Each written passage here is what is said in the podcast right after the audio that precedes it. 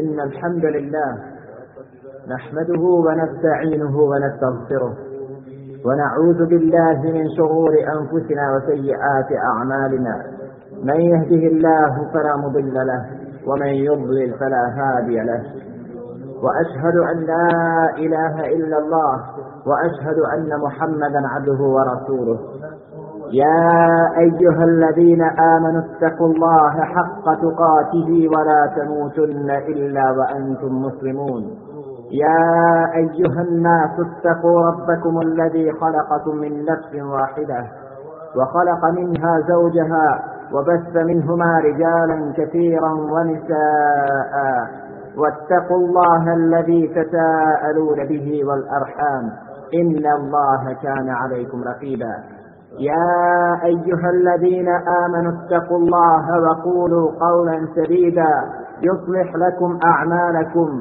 ويغفر لكم ذنوبكم ومن يطع الله ورسوله فقد فاز فوزا عظيما إن أصدق الحديث كتاب الله وخير الهدي هدي محمد صلى الله عليه وسلم وشر الأمور محدثاتها وكل محدثة بدعة وكل بدعة ضلالة وكل ضلالة في النار أما بعد قال الله koji je smrt učinio stvarnošću od koje niko ne može pobjeći i koja nikoga ne može mimoići.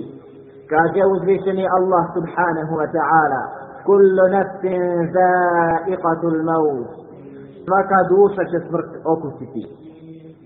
onaj kome je smrt stradalište, zemlja postelja, crv prijatelji, munkir i nekir drugovi, grob stanište, utroba zemlje prebivalište, sudnji dan sastanak, a džennet ili džahennem pojilište, nema ništa preče nego da o tome razmišlja i da se za to priprema. Kaže uzvišeni Allah subhanahu wa ta'ala, قل إن الموت الذي تفرون منه فإنه ملاقيكم ثم تردون إلى عالم الغيب والشهادة فينبئكم بما كنتم تعملون Smrt od koje bježite doista će vas stići. Zatim ćete onome koji poznaje i vidljivi i nevidljivi svijet vraćeni biti. I on će vas o onome što ste radili obavijestiti. Ne znamo, cijenjeni brate, da li ćemo knjigu svojih dijela primiti s lijeve ili s desne strane, onoga dana kada nam bude rečeno Iqra kitabaka kefa bi nefsike ljevma alejke hasiba. Čitaj knjigu svoju. Dosta ti je danas to što ćeš svoj račun polagati. Jaume idin tu'radune la tahfa minkum hafija. Tada ćete ispitivani biti. I nijedna tajna vaša neće skrivena ostati.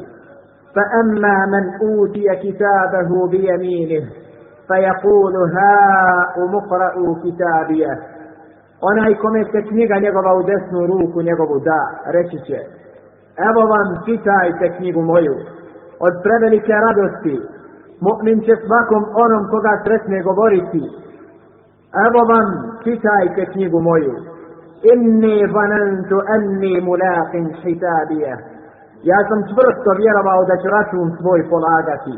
Pa huva ti je išati radija. I on će biti u životu zadovoljnom. Fi džennetin alije. U džennetu predivnom. U tufu hadanije. Čiji će plodovi na dohvat ruke biti. Kulu vašrabu hani'an bima eslatkum fil ejamil halije. Jedite i pijte radosni za ono što ste u danima minuli zaradili. A šta cijenjeni brate?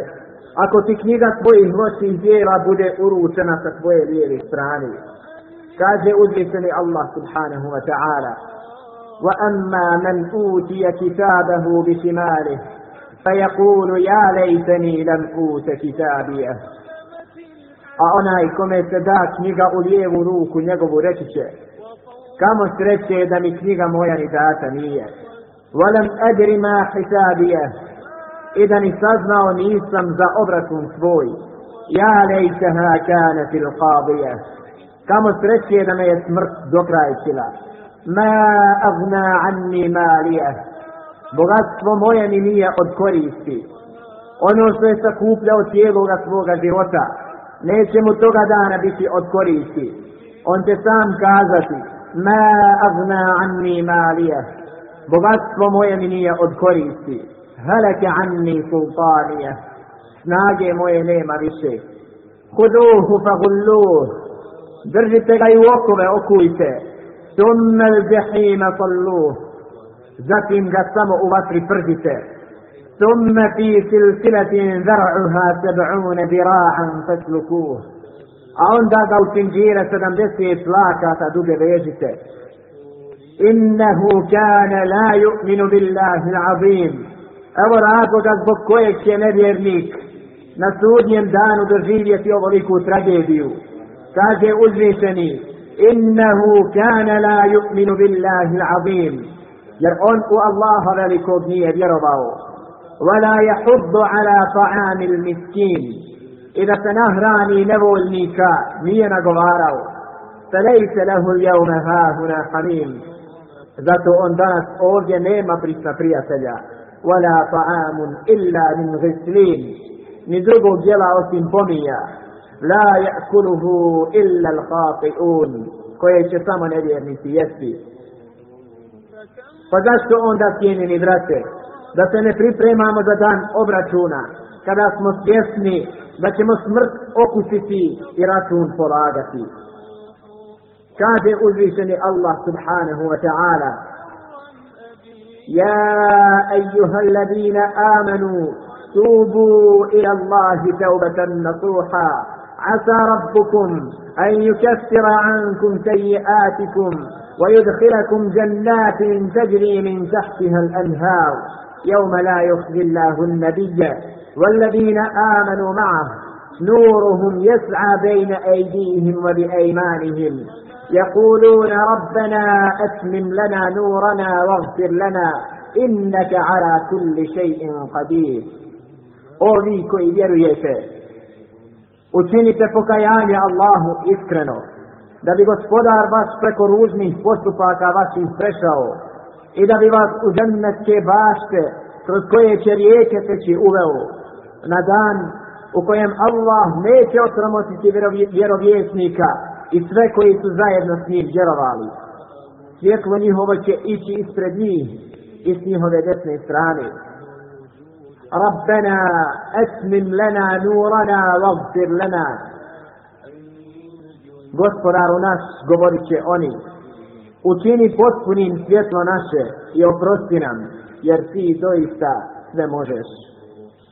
Kaže uzvišeni Allah subhanahu wa ta'ala, يا أيها الذين آمنوا توبوا إلى الله توبة نصوحا أولي كي بيرويس أتني سفقيان الله إذكرنا تويس فقايت سأدلوشنا Učinite potpuno pokajanje kojim ćete izbrisati ranija vaša djela, urediti vas u nesređenoj, koje će učiniti vas čvrstim i postojanim, i udaljiti vas od prostih postupaka kojima ste se bili posvetili.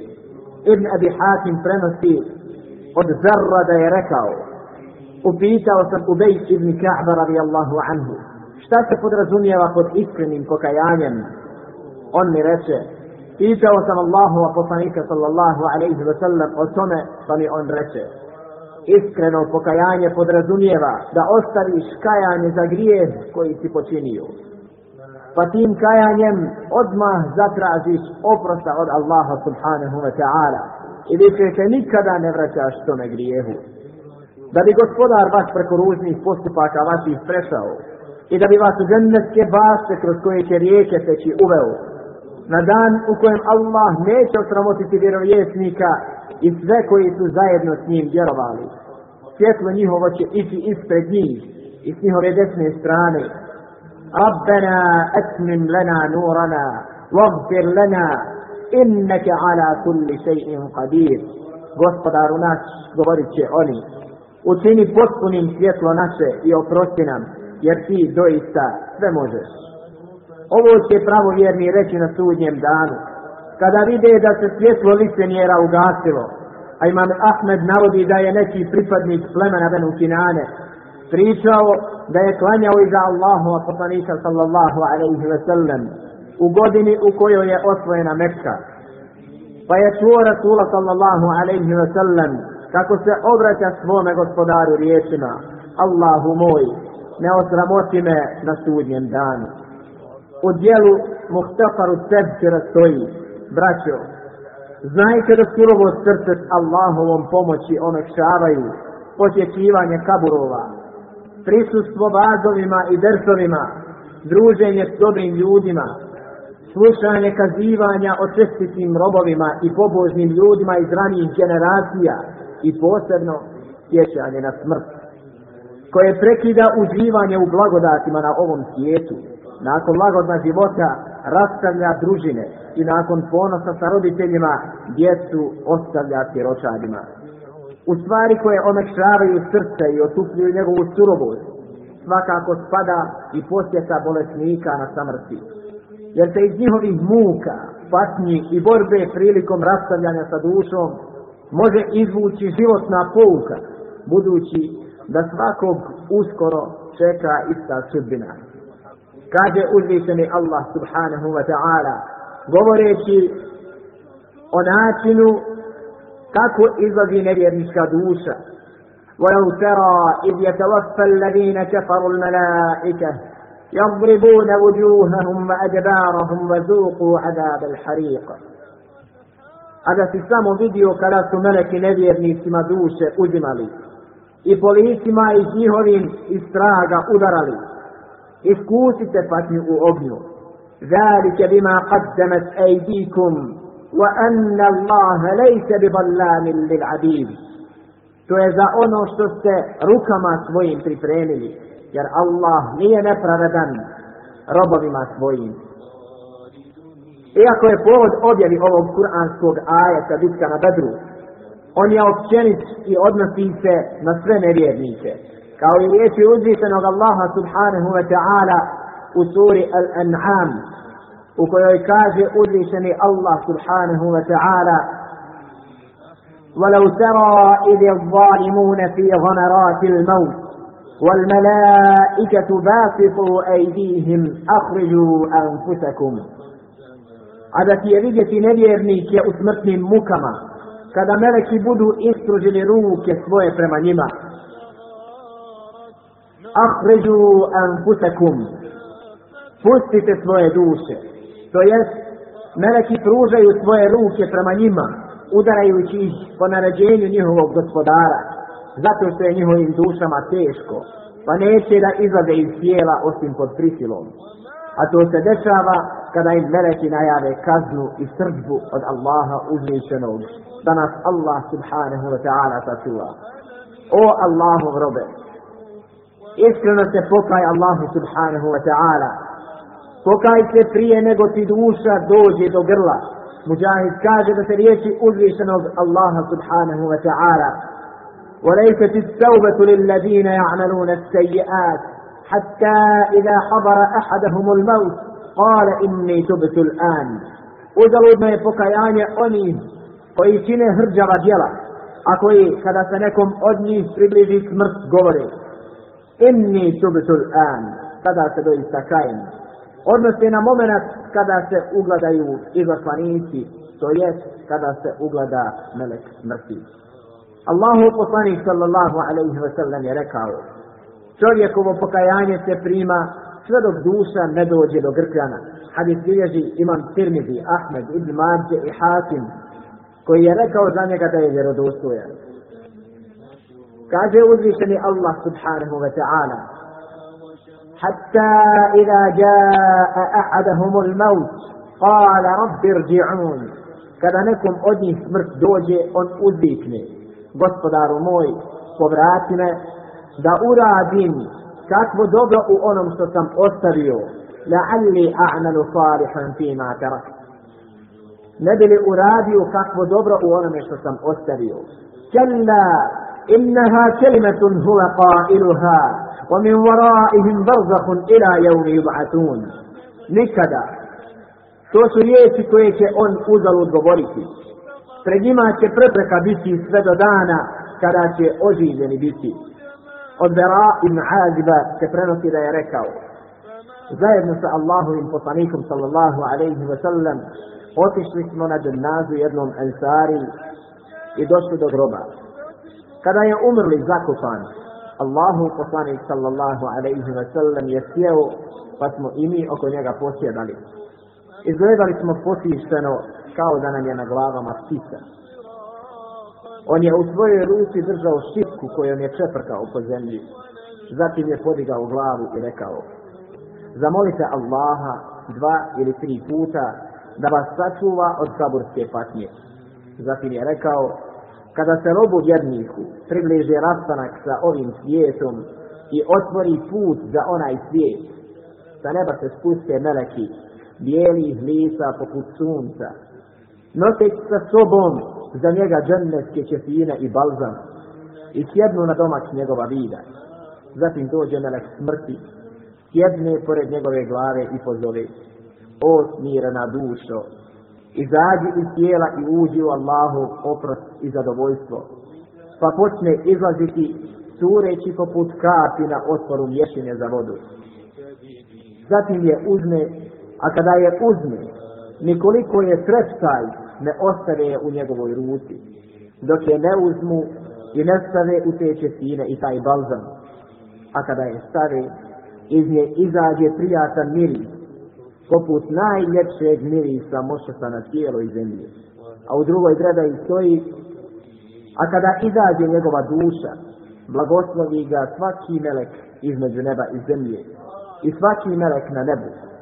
Otvaraju mu se nebeske kapije i čuvari svih kapija mole uzvišenog da se njegova duša kopne prije njih. Nakon što je uzmu i stave u i balzam i iz nje izađe prijatan miris poput najljepšeg mirisa mošaka na tijelu i zemlji. Kaže Allahu poslani sallallahu alaihi wa sallam dalje. Zatim se sa njom počnu dizati. Kada tako sa njom najeđu, ne prođu ni pored jedne grupe meleka, a da ne upitaju kakav je ovo lijep miris. Pa im odgovore miris toga i toga.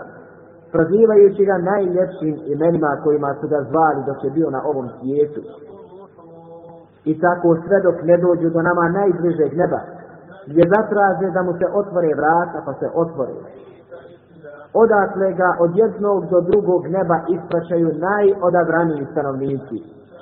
Sve dok tako ne dođu do sedmog neba, gdje uzvišeni Allah subhanahu wa ta'ala rekne Zapišite knjigu moga roba u Iliyun i vratite ga u zemlju, jer ja sam ih od nje stvorio u nju ću ih vratiti i iz nje ću ih ponovo izvesti. Allahu poslani sallallahu alaihi wa sallam je dalje rekao pa će mu se duša ponovo vratiti. Zatim će mu doći dva meleka i upitati ga ko je tvoj gospodar pa će odgovoriti moj gospodar je Allah. Zatim će ga upitati koja je tvoja vjera pa će odgovoriti moja vjera je Islam. Zatim će ga upitati koja ovaj čovjek koji vam je poslan, pa će odgovoriti on je Allahu poslanik sallallahu alaihi wa sallam. Zatim će ga upitati šta je tvoje znanje, pa će odgovoriti čitao sam knjigu uzvišenog Allaha, pa sam povjerovao i potvrdio da je tačno sve što u njoj piše. Zatim će sa neba glas povikati, istinu je rekao moj rob. Pa mu prostrite prostirku u džennetu. Obuste mu džennetsku odjeću i otvorite mu džennetsku kapiju. Pa će do njega doprijeti zada i miris iz džennata i proširiti mu se kabur dokle god mu pogled doseži. Allaha uzvišenog molim da i naša smrt bude smrt u islamu i da naš kraj bude kraj kao što je naveo Allahu poslanik sallallahu alejhi ve sellem u ovom hadisu u kojem je opisao put mu'minske duše. Allahu poslanik sallallahu alejhi ve sellem je rekao: Zatim će mu doći jedan čovjek lijepa lica, u lijepoj odjeći i sa ugodnim mirisom i reći mu, donosim ti radosnu vijest. Ovo je onaj dan koji ti je obećavan, pa će ga upitati, ko si ti svoje lice najavljuje samo dobro. Na to će mu odgovoriti, ja sam svoje dobro djelo. Pa će na to povikati, gospodaru, požuri sa sudnjim danom. Požuri će i željet će da se sudnji dan što prije uspostavi, zbog toga što je njegov kraj u džennetu. Poželjet će da uzvišeni Allah subhanahu wa ta'ala što prije uspostavi sudnji dan, da uzme svoju nagradu koju je zaslužio i koju će mu uzvišeni Allah subhanahu wa ta'ala dati u džennetu. Allahu Kofani sallallahu alaihi ve sellem je zatim rekao A kada se robu nevjerniku približi rastanak sa ovim svijetom i otvori put za onaj svijet, sa neba se spuste meleki crnih lica, noteći sa sobom kostriječno sukno i sjednu na domak njegova vida. Zatim dođe melek smrti. Sjedne pored njegove glave i pozove. O zla dušo. Izađi iz tijela i uđe u Allahovu srbu i gnjev. Allahu poslani sallallahu alaihi wa sallam je nadalje rekao. Zatim se ona po tijelu raziđe. Pa je počne čupati kao što se čupa trn iz mokre vune. Zatim je uzme nekoliko je treptaj oka ne ostave u njegovoj ruci, dok je ne stave u to kostrijesno sukno. Kada iz nje izađe odvratan smrad, kao od najpokvarenije lešine na cijeloj zemlji, zatim se sa njom počnu dizati. Kada tako sa njom najđu, ne prođu ni pored jedne skupine meleka, a da ne upitaju, kakav je ovo odvratni smrad, pa im odgovore, smrad toga i toga prozivajući ga najružnijim imenima kojima su ga zvali dok je bio na ovom svijetu.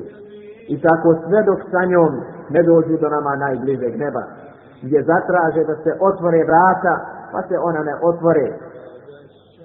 Zatim je Allahu poslani sallallahu alaihi wa sallam proučio riječi uzvišenog Allaha subhanahu wa ta'ala La tufattahu lahum abu abu s-samaa ولا يدخلون الجنة حتى يلج الجمل في سن الخياط كفي نبس كنيته سأصورك i prije će debelo uđe kroz iglene uši proći, nego što će oni u džennet ući. Zatim će uzvišeni Allah subhanahu wa ta'ala reći, zapišite knjigu njegovu u sidzinu, na dnu zemlje. Zatim će njegova duša odatle biti vatena, potom je Allahu poslanik صلى الله عليه وسلم rekao ومن يشرك بالله فكأنما قر من السماء فتخطفه الطير أو تهوي به الريح في مكان سحيق أوناي كبودت مات أوناي كبودت مات راو دا الله إما إكرارا بيش كاو أوناي كو يسنبا فاو إكو غاتو بيش رازقرابي ليه ili kao onaj kojeg je vjetar u daleki prebio od nju. Zatim će se njegova duša ponovo u njegovo tijelo vratiti. Zatim će mu doći dva meleka, sjesti pored njega i upisati ga, ko je tvoj gospodar. Pa će reći, ha, ha, ne znam. Zatim će ga upisati, koja je tvoja vjera. Pa će reći, ha, ha, ne zna. Zatim će ga upitati ko je ovaj čovjek koji vam je poslan, pa se neće moći sjetiti njegova imena. imena. Te će mu biti rečeno Muhammed. Pa će opet reći, ha, ha, ne znam. Zatim će sa neba neki glas povikati, laže moj rob. Pa mu prostite prostirku od vatrnih i otvorite mu vrata džahannama, pa će za njega dospjeti vrućina i užarenost vatri, a grob mu se još više stjesniti, da će mu se rebra saplesti. Zatim će mu doći jedan čovjek u ružnoj odjeći i sa ružnim zadahom i reći mu, donosim ti zlu vijest, ovo je onaj dan kojim ti je priječeno, pa će ga upisati, a ko si ti?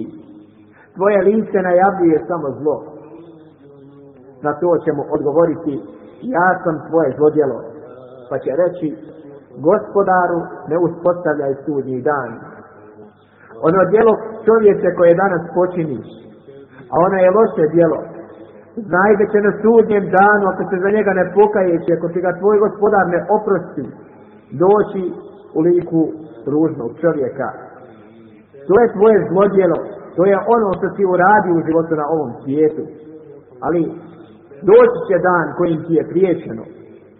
Nemoj misliti da te smrt može ne mojići. U drugoj predaji stoji, zatim će mu biti poslan jedan slijep, gluh i nijem čovjek sa željeznom polugom u ruci. Kada bi njome udario o brdo, zdrobio ga u prašinu, pa će ga njome udariti dok ne postane prašina.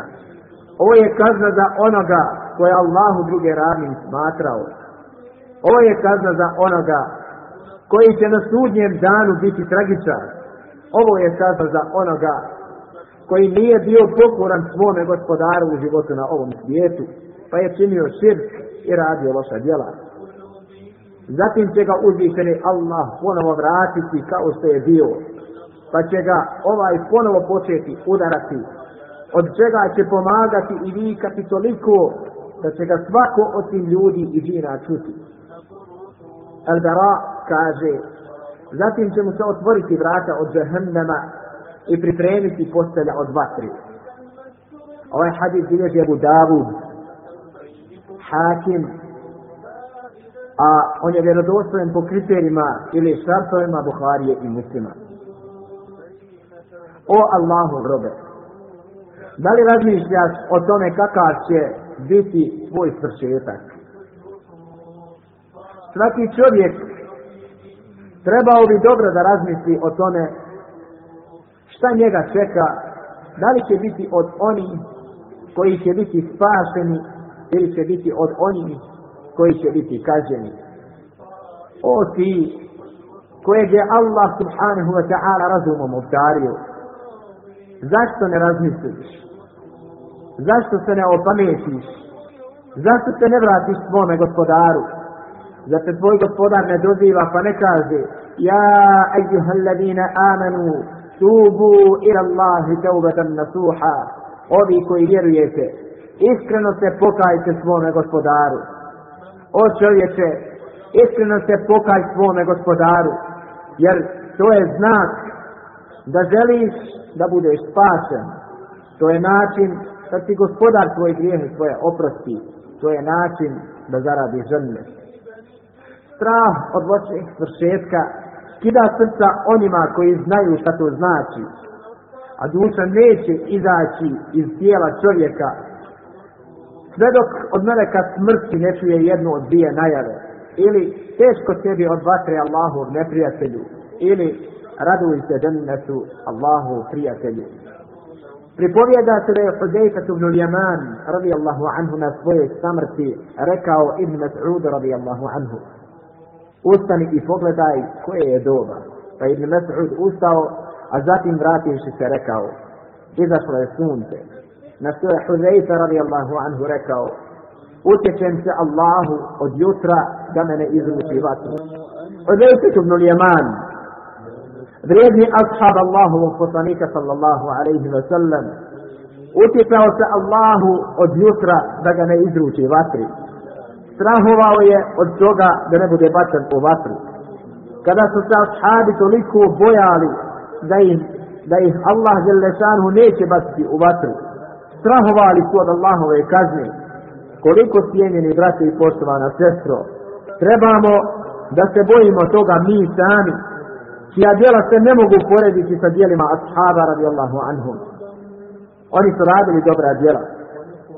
Oni su borili se na Allahovom putu, oni su klanjali noćni namaz, oni su učili Kur'an, oni su održavali rodinske veze, oni su činili dobročinstvo svojim roditeljima, oni su jednom riječju nastojali na svaki mogući način da urade dobro djelo. I pored svega toga, i pored vrijednota koje spominje Allah u Kur'anu, u mnogim kuranskim ajetima u kojima kaže da je zadovoljan sa ashabima, kaže radi Allahu anhum wa radu anhu. Allah je lešanu je zadovoljan njima i oni su zadovoljni njime. I pored mnogobrojnih hadisa Allahu poslanika sallallahu alaihi wa sallam koji upućuju na vrijednost ashaba radi Allahu anhum. Opet su se bojali Allaha subhanahu wa ta'ala, utjecali se od vatre i molili Allaha da im oprosti i da ih uvede u zemlju. Abu Hurere radijallahu anhu se na samrti rasplakao i rekao Tako mi Allaha ne plaćem iz žalosti za ovim svijetom niti od duge što se sa vama rastajem već zato što iščekujem kakva će mi od moga gospodara najava doći za džennet ili za džehennem Ovo je Abu Hurere Ashab Allahovu poslanika sallallahu alaihi wa sallam koji je od njega prenio najviše hadisa on plače jer ne zna kakva će mu najava doći za džennet ili za džehennet. Jezid Rekaš je sam sebi govorio, stidi se Jezidu, ko će poslije tvoje smrti klanjati za tebe? Ko je taj koji će postiti za tebe? Ko je taj koji će za tebe tražiti zadovoljstvo svoga gospodara? Onda bi govorio, o ljudi, da nećete plakati nad sobom ostatak vaših života onaj za kim smrt strada, kome je kabor boravište, kome je zemlja postelja, kome je crv jedino društvo i pored nabrojanog ga još čeka i dan velikog užasa. Kako se može tako ponašati? Potom bi plakao, sve da se ne bi stropoštao, on je svješten. Omar ibn Abdul Aziz, rahmehullahu ta'ala, je imao običaj da okupi učenjače i s njima govori o smrti, kajametu, ahiretu i stvarima poslije smrti, pa bi se rasplakali kao da su na džennađi. Imam Seuri, rahimahullahu ta'ala, kada bi mu se spomenula smrt danima, nije bio sposoban odgovoriti mi na jedno pitanje.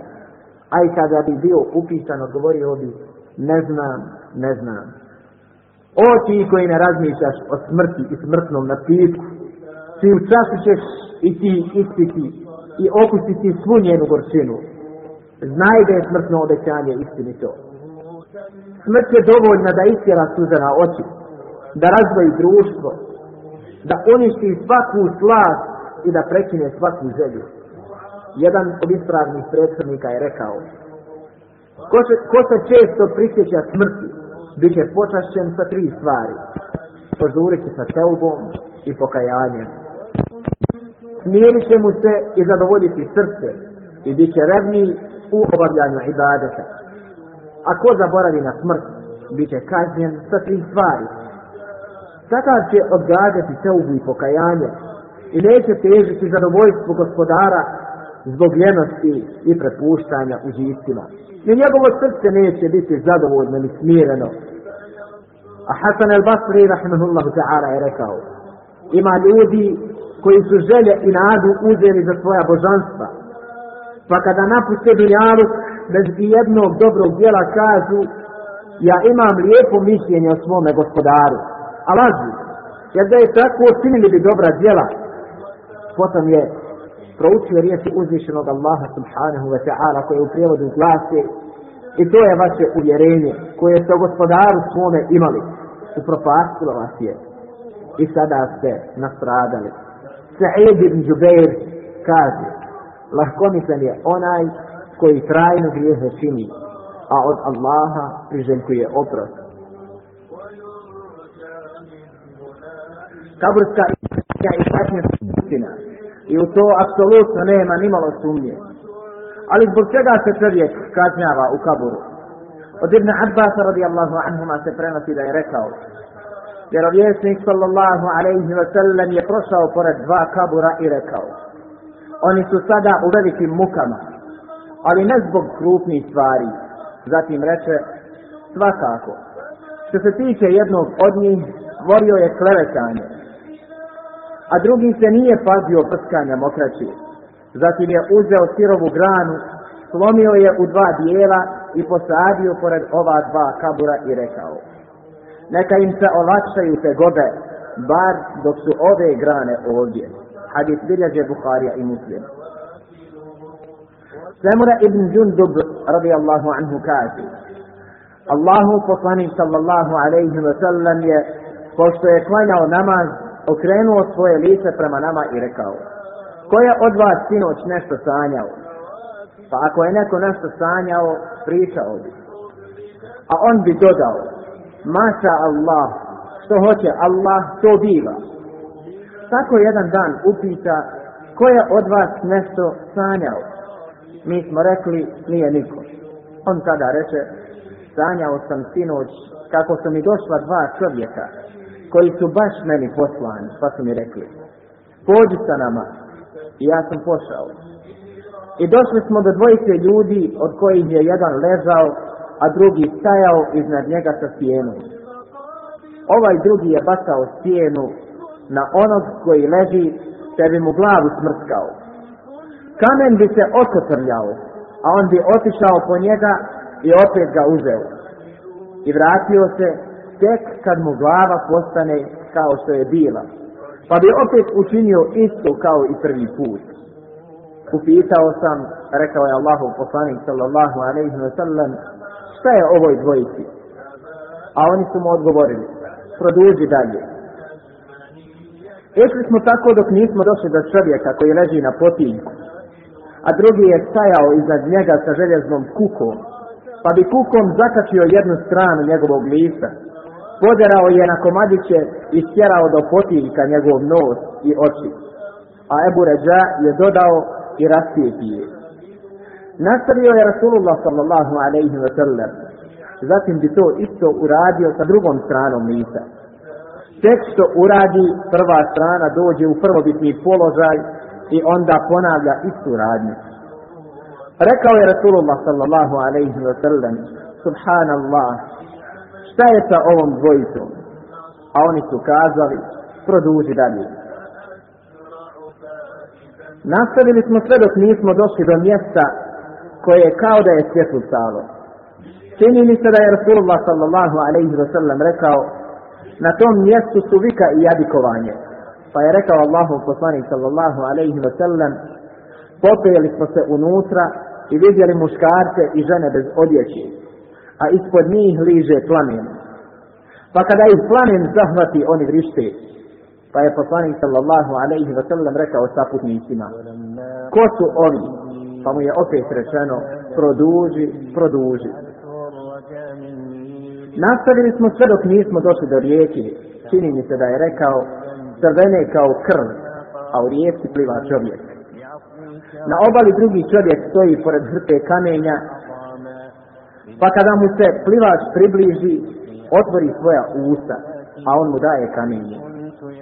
Zalogaj po zalogaj. Zatim plivač produži sa plivanjem i ponovo se vrati sa otvorenim ustima po svoj obrok kamenja. I to se stavno ponavlja. Upitao je poslanik sallallahu alaihi wa sallam Ko su ova dvojica? Pa mu je rečeno Produži, produži Nastavili smo ići sve dok nismo došli do čovjeka odrasna izgleda.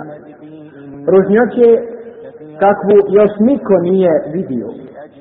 Ispred njega naložena vatra koju on rasplamsava i trči oko njih. Upitao im je Allahu poslanik sallallahu alaihi wa sallam, ko je ovaj? Odgovoreno mu je, produži, produži. Nastavili smo sve dok nismo došli do procvjetalog vrta punog svih vrsta proljetnog cvijeća, a među rastinjem stoji visok čovjek. Glava mu toliko visoko da se jedva vidi, kao da do neba dosježe. Oko njega je mnoštvo mladića, u broje ga ih nikad toliko nisam vidio. Poslanik sallallahu alaihi wa sallam je upitao, a ko je ovaj čovjek? Ko su ovi oko njega? Odgovoreno mu je, produži, produži. Nastavili smo sve dok nismo došli do divnog vrta ljepšeg i veličanstvenijeg nisam vidio. Pa su mi rekli da se popnem i ja sam se popeo do njega. Išli smo dok nismo došli do grada sa zidovima od zlata i srebra. Prišli smo gradskim vratima i zatražili da se otvori, pa su nam otvorena. Ušli smo u grad i susreli ljude čija je jedna strana bila toliko lijepa da nikad nešto tako nisam vidio. A druga strana je bila ružna u toj mjeri da tako nešto nikada nije viđeno. Kazao je poslanik sallallahu alaihi wa sallam, moji su im saputnici rekli da zaronu u rijeku, a rijeka je tekla ispred njih. Voda joj je bila bijela kao najbjelje mlijeko. Zaronili su u nju pa se vratili. I vidjeli smo da je nestalo njihove ružnoće i izgledali su kao najljepša bića. Poslanik sallallahu alaihi wa sallam je rekao, kazali su mi, ovo je džennetu adn, i ovakva je tvoja kuća. A poslanik sallallahu alaihi wa sallam je podigao glavu uvijek i vidio dvorac kao bijeli oblasti i rekao, kazali su mi, ovo je tvoja kuća. Pa im je poslanik sallallahu alaihi wa sallam rekao, Allah vas blagoslovio, pustite me da uđem u nju, Odgovorili su mu, ne sada, ali ćeš ući u nju. Pa im je rekao, vidio sam sinoć mnoge strahote, pa recite mi, šta je to što sam vidio? Pa su mi rekli, obavijestit ćemo te o tome. Prvi koji si vidio je čovjek kojem glavu razbijaju kamenje. To je onaj koji je učio Kur'an, a onda prekinuo. Se spavao u namaskom vaktu To je onaj koji je naučio da uči Allahovu knjigu cijenili brate. Učio je jedno vrijeme, a zatim je zapostavio. Zapostavio je i namaz, spavao je u namaskom vaktu. Drugi čovjek kojem se slijeku obrazu, a nos i oči stjeraju prema potinku, je čovjek koji je ranom zorom odlazio od kuće i lazima punio svijet. A muškarci i žene bez odjeće zatvoreni na mjestu koje sija vatrum su bludnici. Pogledajte koliki je grijev i kakva je kazna za onoga koji svijet puni lazima. A kakva je i kazna za razvratnike, bludnike i bludnice. Čovjek koji si vidio da pliva u rijeci krvi i čija usta pune kamenjem je od onih koji jedu u kamatu. Nažalost, veliki broj je onih koji kao da ne mogu zamisliti da posluju bez kamati.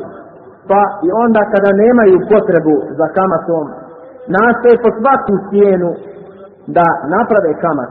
Bilo da je uzimaju, bilo da je daju, bilo da piše ili da pak svjedoče za to. A poznato je da je rekao Rasulullah sallallahu alaihi ve sellem لعن الله آكل الربا وموكله وكاتبه وشاهديه proklao je Allah onoga ko uzima kamatu i onoga ko daje kamatu i onoga ko piše a i one koji svjedoče pa tako je proklao Allah Đelešanuhu za četiri kategorije ljudi i one koji uzimaju i one koji daju i one koji pišu i one koji svjedoče toga veliki broj ljudi našega vremena je zapao u neku vrstu kamatečka A čovjek ružnog izgleda koji je rasplansavao vatru i trčao oko nje je mali čuvar džehennama. Visoki čovjek u rasvjetalom vrtu je Ibrahim, alaihi salatu wasalam. Mladići oko njega su djeca koja su umrla u utrobi svoje majke. Pa su neki upitali Allahu, poslanika sallallahu alaihi wasallam, Allahu poslaniće, a djeca mušlika. A Rasulullah sallallahu alaihi wasallam je odgovorio, i djeca mušlika a što se tiče ljudi čija je jedna strana ružna, a druga lijepa, to je narod koji je miješao dobra djela sa ružnim, pa im je Allah djelne šanuhu oprostio. Ovaj hadis bilje iman Bukharija. A u drugom Bukharinom rivajetu stoji, a što se tiče čovjeka kojem se rastjepljuju čeljusti, on je lazivac koji je lagao i prenosio lazi dok njima nije napunio sir. I ono što mu se dešava traje se sve do sudnjega dana a čovjek kome razmrskavaju glavu je od onih koje je Allah Želešanhu podučio Kur'anu, pa ga on noću nije učio, a danom nije radio po njemu. Kazna koju si vidio trajeće mu sve do sudnjega dana. Prenosi se od Enasa ibn Malika radijallahu anhu da je Rasulullah sallallahu alaihi wa sallam rekao Pošto me moj gospodar Allah subhanahu wa ta'ala uzdigao sebi prošao sam pored naroda koji je imao nokte od vatra, kojim je grebao svoja lica i svoja prsa. Pitao sam, ko su ovi o Džibrile? Odgovorio mi je, to su oni koji su jeli meso ljudi, to jest ogovarali i kaljali njihov ugled. Ovaj hadith bilježi imame Ahmed u svome musnadu, a sve Harbani, rahmetullahi alaihi, ga smatra vjerodostojnim. Jedan od uzroka kažnjavanja umrlo u kaburu jeste i naricanje za umrli. Kaže Allahu poslanik sallallahu alaihi wa sallam Umrli se kažnjava zbog plaća njegove porodice za njih. Hadis bilježe Bukharija i muslim. Riječ je Allahu poslanika sallallahu alaihi wa sallam zbog plaća njegove porodice. Obuhvata je svaku vrstu plaća, a poznato je da je Allahu poslanik sallallahu alaihi wa sallam zaplakao nakon smrti سلوغه سينا ابراهيم اذا سمو اصحاب رسول وانت يا رسول الله ذرئتي الله فصن ان شاء قال انها رحمه يجعلها الله في قلوب بعض عباده حديث بلا جمال مسلم ركع رسول صلى الله عليه وسلم to je milost koju Allah daje u srca nekih svojih robova. Ovo je dokaz da je plać šarijanski dozvoljen, A u drugoj predaji koju isto bilježi Bukharija i Muslim stoji Inna al mejjite le ju'azzabu bi ba'bi buka'i ahlihi alaihi Doista se umrli kaznjava zbog nekog plata njegove porodice za njim.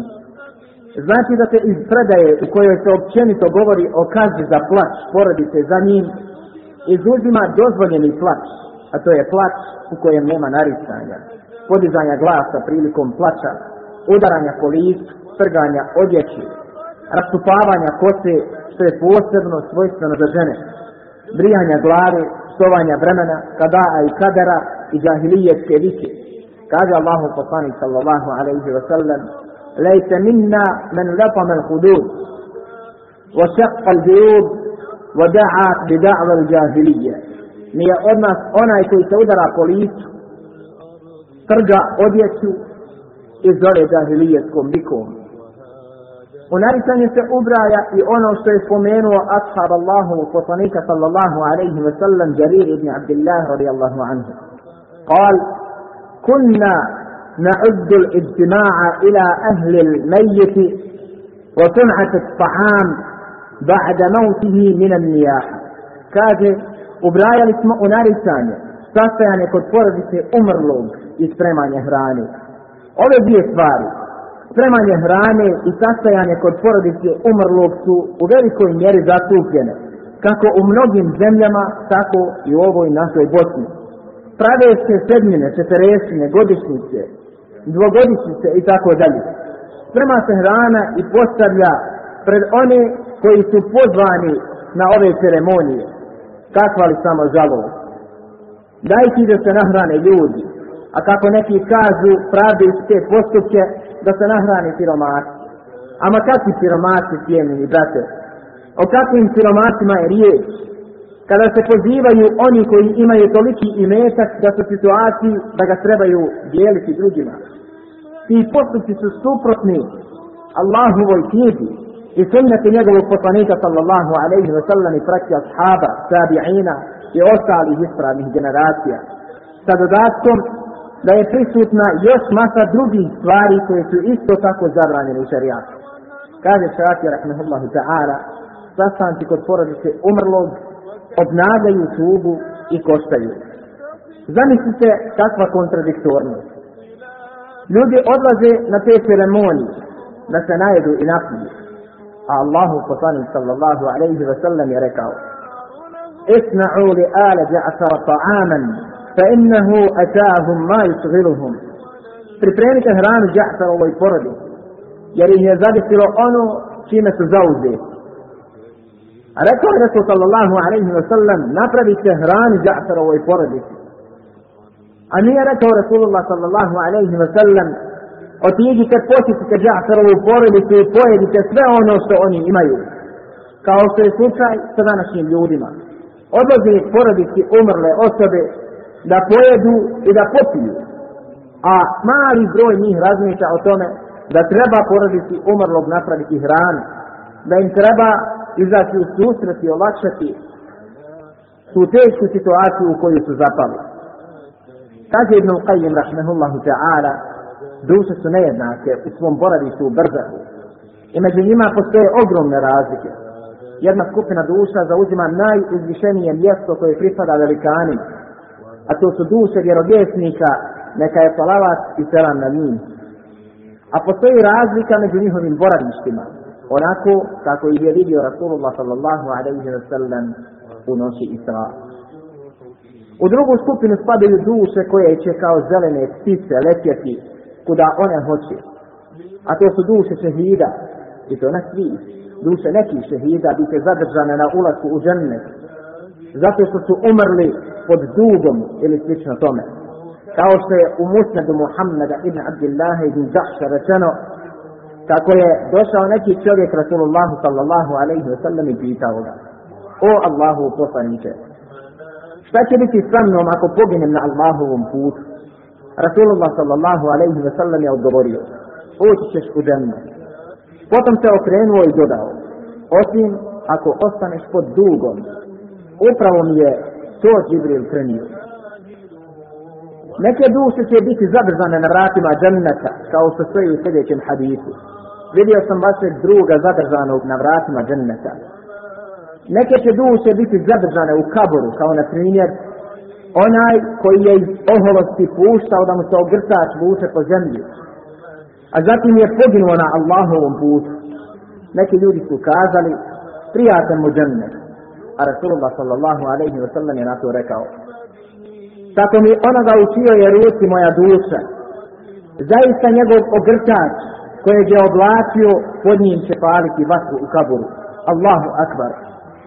Zbog tvog ogrtača koji je prelazio članke, bit će zadržan u kaburu. I baš taj ogrtač će paliti vatru pod njim. Kaže nas Bošnjak, a zašto bi nosili hlače tako kratke? Pa da izgledamo kao skakavci. Odgovor bi glasio cijenjeni brate, da bi postupili u skladu sa sunnetom našeg dragog poslanika sallallahu alaihi wa sallam i da bi se sačuvali kaburske patnje. Neki pak kažu, neozbiljno je nositi tako kratke hlače. Zbog hlača koje prelaze članke, bit će ljudi kažnjavani. I ne dolazi ozbiljnost sa dugim ispeglanim hlačama, kravatom, sakom i tako dalje. Mnogi misle ako se ispeglaje buku ispeglane hlače, obuku lijepu košulju, stare kravat, obuku je sakvu, smatraju da su tako ozbiljni.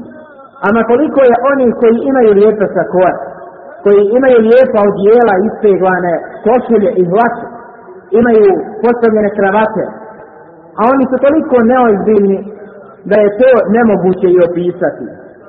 Ama draga moja braće, okrenuli su se rezoni kod ljudi. Žene bi trebali nositi odjeću koja pokriva njihovo tijelo pa čak i stopala. Da prelazi preko člana, a ne da one izgledaju kao skakaci o nekim supicama, mimićima i tako dalje. Žene ne smatraju da izgledaju kao skakac jer nosi je tako kratku odjeću. Dok onaj koji nosi kratku odjeću radi toga što je to naredio Resul sallallahu alaihi wa sallam. Za njega kažu da on izgleda kao skakav i da je to neozbiljno. Cijenje na braćo, znajte da će taj ogrtač koji bude prelazio slance paliti vatru pod onim koje to dijelo i činio. Kada će Allah subhanahu wa ta'ala kažnjavati onoga koje je poginuo na Allahovom putu, kada će kazniti onoga koji je žrtvovao svoj život za Allahovu vjeru. Kada će Allah žele šanuhu u kaburu kazniti onoga koji je žrtvovao ono što je najvrednije kod njega, a to je njegova duša. I to je žrtvovao za dominaciju Allahove riječi na zemlji. I to je šehid, istinski i pravi šehid. Poginuo je na Allahovom putu, a kaže Rasul sallallahu alaihi wa sallam, da taj ogrtač koji je prelazio preko njegovih članata da će paliti vatru pod njim. Ima i oni koji kažu, ali bi vekru je poslanik sallallahu alaihi wa sallam rekao da on svoj ogrtač ne treba skratiti jer ga ne nosi tako dugog iz oholosti. Kažu, ovo je dokaz da se to odnosi isključivo na one koji nose dužu odjeću iz oholosti. A ja to ne nosim iz oholosti, nego iz običaja. Ama kakva silna opravdanja, šeitan donosi onima koji krši Allahove propise. Kažu, to je samo za one koji to nose iz oholosti. Cijenjeni brate. Rasulullah sallallahu alaihi wa sallam je posvjedočio za Ebu Bekra da to on ne nosi iz oholosti. A mi znamo da je Rasulullah sallallahu alaihi wa sallam dolazila objava. Ebu Bekri je sigurno bio od onih koji se nisu oholili. Ali cijenjeni brate, Ko je posvjedočio za tebe i mene da mi ne činimo djela iz oholosti? Ko je posvjedočio za tebe da ti svoj ogrkač ne puštaš preko članaka iz oholosti? S druge strane, cijenjeni brate, ovaj hadis u kojem kaže Rasul sallallahu alaihi wa sallam da će ogrtač paliti vatru pod nogama šehida zbog toga što ga je puštao da prelazi preko njegovih članaka šehid je onaj koji je poginuo na Allahovom putu. Bit će kažnjavan zbog tog ogrtača. Cijenjeni brate, možemo li mi svoja djela uporediti sa djelima onoga koji je poginuo na Allahovom putu? Znajući da je najljepša smrt, smrt šehida. Znajući da je to najveća počak za čovjeka da pogine na Allahovom putu neke će duše na sudnjem danu borbište naći na vratima dženneta, kao što stoji u hadithu ibn Abbas radijallahu anhuma. Šehidi će imati boravište na blještavoj rijeci, na vratima dženneta u zelenom dvorcu i izlazit će njihova opskrba iz dženneta ujutro i uvečer. Hadis bilježi mame Ahmed. Među njima će biti duše koje će biti zadržane na zemlji i neće se popijeti do uzvišenog mjesta, to je svaka niska zemaljska duša. Zaista se zemaljske duše neće sastajati sa nebeskim dušama, kao što se nisu sastajale ni na zemlji. A neke će biti kažnjavane na način kako smo to mi u onom dugom hadisu već izgledali.